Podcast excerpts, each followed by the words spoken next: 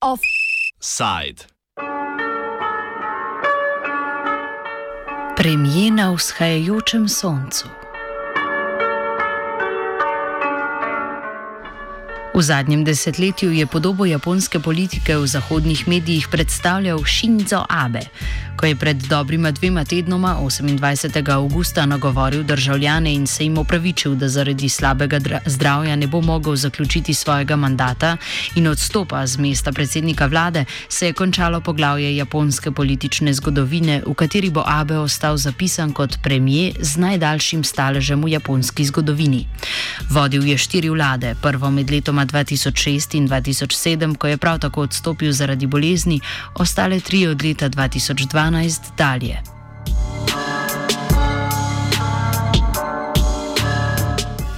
Za naslednika Abeja na položaju predsednika liberalno-demokratske stranke, poznane pod kratico LDP, je bil včeraj na kongresu s prepričljivo večino izvoljen Yoshihide Suga. Izmed 534 glasov, ki so jih v izogib dolgotrajnim internim volilnim postopkom lahko oddali poslanci parlamenta in po trije predstavniki vsake od 47 prefaktur, jih je prejel 377. Njegova protikandidata Fumio Kishida, nekdani znani primer minister, in Shigeru Ishiba, nekdani obrambni minister, pa sta jih prejela 89 oziroma 68. Suga je z nastopom druge Abejeve vlade vodil njegov kabinet, jutri pa bo na glasovanju v parlamentu, kjer imata LDP in koalicijska stranka Komeito večino, najverjetneje potrjen za novega predsednika vlade, prvega novega v cesarskem obdobju Reiwa. In bo tako prevzel posle od dosedanjega šefa, ki mu je že v fazi strankarske kampanje izrazil izrazil svojo podporo.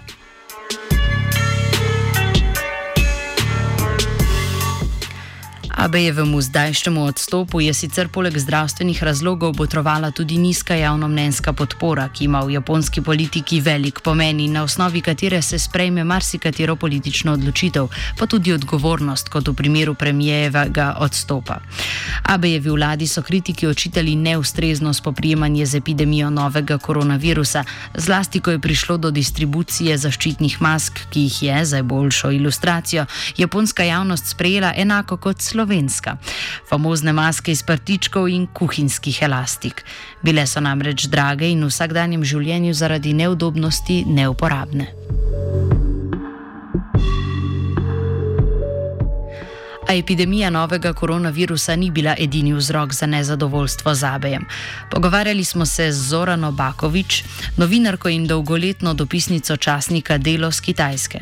Kot razlaga Bakovič, je Abejeva gospodarska politika, tako imenovana abenomika, zaradi določenih ukrepov, kot je denimo postopno zviševanje davka na dodano vrednost, med ljudmi naletela na močan odpor. Zato je bil včasih celo bolj cenjen v tujini kot doma. A drugi dio je uh, jedan dio njegove takozvane abenomike, dakle njegove ekonomske koncepcije koji se odnosio na povišenje uh, onoga što mi zovemo PDV, a to je uh, porez na potrošnju, odnosno ono što se plaća na uvećanu vrijednost. U Japanu je taj porez jako dugo godina bio 5% i to je za uh, nas nepojmljivo koji imamo u Europi svi preko 20. Um, I kada je Abe najavio da će morati taj uh, porez povisiti i to samo na 8%, to je izazvalo veliki otpor. Ima i razloga zašto je izazvalo takav otpor i on se zapravo od tog poteza koji je načinio, jer ga on mora napraviti, uh, nitko ne spori čak niti ispravnost takvoga, takve odluke. Međutim, e, od kako ga je načinio u dvije, dva koraka uspio ga je podići samo na 8%, a onda je namjeravao to nastaviti dalje da ide do 10%, njegova je popularnost počela padati. Ostavka nije željena, s obzirom da je to premijer koji je najdulje trajao na vlasti, što unio je određenu dozu stabilnosti koju Japan do tada do njega je rijetko imao u svih ovih e, desetljeća nakon drugog svjetskog rata i učinio dosta e, dobrih stvari, dosta dobrih e, političkih poteza na posebno na vanjskoj političkoj pozornici zašto je vjerojatno više Abea žao u svijetu nego što sami Japanci za njim žele. Pogosto menjavanje predsednikov na čelu vlade na japonskem sicer ni nič nenavadnega, zato je Abe v tem pogledu predstavljal izjemo. Veljal je za odločnega politika, ki je v svoji stranki uspešno lovil ravnotežje med različnimi strujami. Japonska demokracija je interesantna, vse od 50. godina kada je Japan postao demokratska država i imao prve izbore. E, to je demokracija koja se temeljila na takozvanoj jednoj i pol partiji, dakle jednoj i pol stranki. E, I ta jedna, dakle koja je bila liberalno, politič, e, liberalno demokratska partija, a ovih polovi, ova druga polovica su uvijek bile ljevičarske, e sada da li su se zvale socijalne, da li su se zvala demokratska ili kao što je sad to, ušli su u koaliciju pa je to jedan konglomerat, to se je mijenjalo. Dakle, ta lijeva opcija je bila ona polovica i nikada se nije uspjela zapravo toliko različiti da drži vlast više od e, nekoliko godina. E, posljednji puta je to bilo e, u vrijeme, baš u vrijeme tsunami je bio demokratski premijer koji je isto tako bio nepune tri godine, dvije i nešto godine na vlasti i sve zapravo drži liberalno demokratska partija. Unutar koje pak postoje frakcije koje se bitno razlikuju po puno toga. E, najviše naravno ideološki e, i e, na tom spektru se kreću od radikalno desne do vrlo umjerene koja bi se čak mogla tu negdje susresti sa centrom desnim i lijevim. I to je pripadao Abe. Nasprotno Suga, vsaj na zunaj, ne velja za profiliranega politika, prav tako za razliko od Abeja in njegovih predhodnikov ne prihaja iz družine, ki bi jo lahko označili za politično dinastijo. Suga je jedan od e, političara koji nije pripadao ni jednoj ovaj, frakciji i to je zapravo dosta teško. Tim prije što Suga e, čovjek koji je za razliku od Abe, a koji je za razliku od svih dosadenih premijera Japana, e, čovjek bez političkog backgrounda, obiteljskog političkog backgrounda. Ne zaboravimo da je Abe otac bio vanjski ministar, njegov djed je bio premijer, dakle, to je na neki način ta politička elita za koju, za koju se kaže da je Abe bio rođeni premijer. Dakle, on je bio predisponiran da će biti visoki političar. Suga je zapravo Dijete e, uzgajivača jagoda i odrastao je u prefekturi Akita e, na selu, na farmi svojih roditelja. Ne može se reći da je živio u siromaštvu, ali sasvim sigurno ne e, niti u onakome standardu kakome je to u liberalno demokratskoj partiji uobičajeno i on je self-made čovjek. On je čovjek koji je sam sebe napravio. Dakle, od toga da je sam zaradio sebi za sveučilište, upisao je najjeftinije koje si nije mogao priuštiti više e, i sam si je napravio i tu svoju političku karijeru apsolutno bez ikakvog obiteljskoga, a vrlo dugo niti e, partijskog, e, partijske podrške. Kljub temu, da v svoji karieri večinoma ni opravljal funkcij z neposredno politično odgovornostjo, pa je Suga vendarle vajen biti na očeh javnosti, saj je kot vodja premijejevega kabineta vsakodnevno na novinarskih konferencah obveščal o vladnih odločitvah. Med njegovimi delovnimi zadolžitvami je bilo tudi usklajevanje politik med ministrstvi in drugo krizno upravljanje, zaradi česar se ga je s časoma, svojo funkcijo je opravljal najdlje v zgodovini, prijel zdevek premije v senci.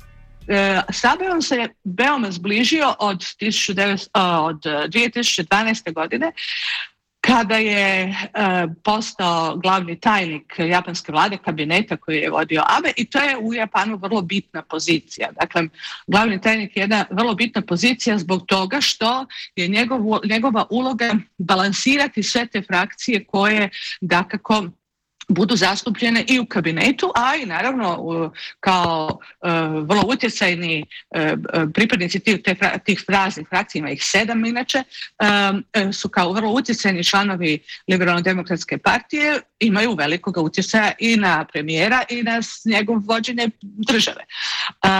Suga je tu bio iznimno uspješan kao moderator, vrlo odan Abeu, i uh, u tom balansiranju je zapravo bio jedan od najuspjelijih uh, glavnih tajnika vlade. Uh, Abe u njega imao silnog povjerenja i kada je odstupio već je zapravo dao znake da će on svoje povjerenje, dati svoju kartu, dati Sugi i s tim je počelo. Tako da je zapravo Suga od početka te kratke kampanje unutar partijske bio u preferencijalnom u, u, u, poziciji u odnosu na svoja dva protokandidata jer je imao podršku samoga ABE, a onda je samim tim dobio i ono što se zove endorsement, dakle ono, ono, ono, ono povjerenje koje su mu dale prva i druga najveća frakcija, a samim tim je onda dobio i ovoliki broj glasova kada je bilo jučer glasovanje unutar partije. Čeprav sta Abe in Suga dolgoletna politična sopotnika in bi menjava na vrhu vlade lahko prinesla le nadaljevanje že zastavljene politike, Japonsko čakajo izzivi predvsem na gospodarskem področju, ker naj bi Abenomiko zamenjala Sugonomika, ki pomeni varčnejšo fiskalno politiko. Najvjerojatnije će uh, Suga ipak obuzdati malo ovaj, ovo javno trošenje. Dakle, uh, taj, uh, to što je Abe išao, to je bilo interesantno jer Abe je sa tom svojom Abenomikom izišao, odnosno sa tim konkretnim planom vrlo labavog fiskalnog pojasa, upravo u trenutku kada je Angela Merkel i Europa išla u suprotnom smjeru, kada smo mi imali one velike pritiske na štednju, Abe išao u suprotnom smjeru i bilo je interesantno posmatrati ko će biti uspjeliji.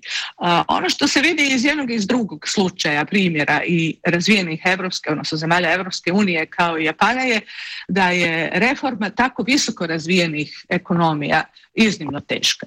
Neovisno hoćete li uh, pustiti pustit taj javni dug i javnu, javnu potrošnju pa nek ide dokle ide ili ćete ju stiskati, iznimno je teška zbog toga što su to jako visoke razine.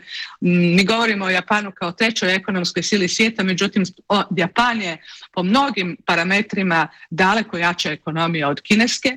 Uh, moglo bi se reći da je puno uh, zdravija od američke i mi govorimo o jednoj vrlo, vrlo ozbiljnoj ekonomiji koju uh, možemo kroz razne parametre prikazati.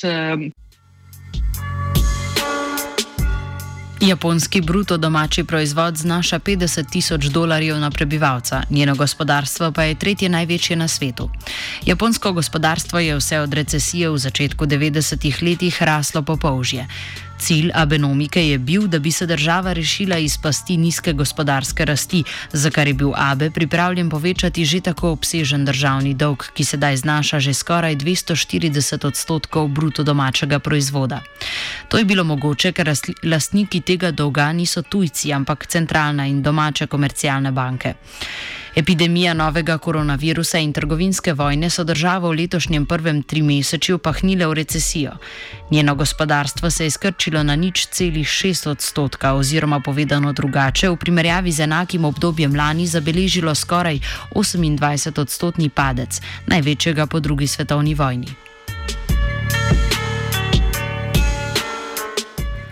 Za reševanje svojega gospodarstva je Japonska posegla tudi na mednarodno prizorišče, kjer je pod ABM poskušala z Kitajske v domovino vrniti sadeže japonskih podjetij, okrepila pa je tudi vezi z Evropsko unijo in jih kot prva država sploh navezala s post-Brexitovsko Veliko Britanijo. Ono što mm, nas mora zanimati je hoće li se Japan, koji je u ovome trenutku u procesu povlačenja iz Kine, i Abe je započeo taj proces e, dajući e, stimulanse japanskim kompanijama koje će napustiti Kinu, a veliki ih je broj na tisuće japanskih kompanija je outsourcalo svoju proizvodnju u Kinu i jako je japanska ekonomija bila povezana sa kineskim tržištem Dakle, da li će Suga u tom procesu povlačenja iz Kine koji je najavio da će nastaviti se okrenuti više Europi nego do sada što, što je, odnosno da li će, ne mogu reći više Europi, AB je bio vrlo okrenut Europi kao što znate prošle godine je potpisan taj e, e, slobodno trgovinski sporazum s Europskom unijom što je ogromna stvar. E, prošlog tjedna je potpisan e, slobodno trgovinski sporazum s Velikom Britanijom i to je prvi post-brexitovski sporazum koji je UK napravila sa bilo kojom vanjskom državom. Dakle, e, ABE osta, ostavlja u nasljeđe veliku zanimanje za Europu kao velikog partnera, ali sad ćemo vidjeti hoće li su ga to e, biti u stanju dalje nastaviti, jer ni to nije samo tako i tako jednostavno iz više razloga. Prvo zato što japanski investicije u Europi podrazumijevaju da se Japan isto tako mora otvoriti za Evropljane, a Japan je zapravo vrlo zatvorena e, ekonomija. E, vrlo teško se primaju e, i strani radnici i strane investicije, vrlo se, to su filtri, to su, to su veliki, velike barijere koje Japan je tek trebao polako spuštati, skidati, ali ćemo vidjeti da li je suga čovjek koji ih može nastaviti. Suga je sedaj pred odločitvijo, ali bo po izvolitvi za premijeja mandat, ki se izteče, izteče čez natanko eno leto, izpeljal do konca, ali pa se bo podal na predčasne volitve, na katerih bo poskušal dobiti zaupanje za vodenje države za naslednja štiri leta.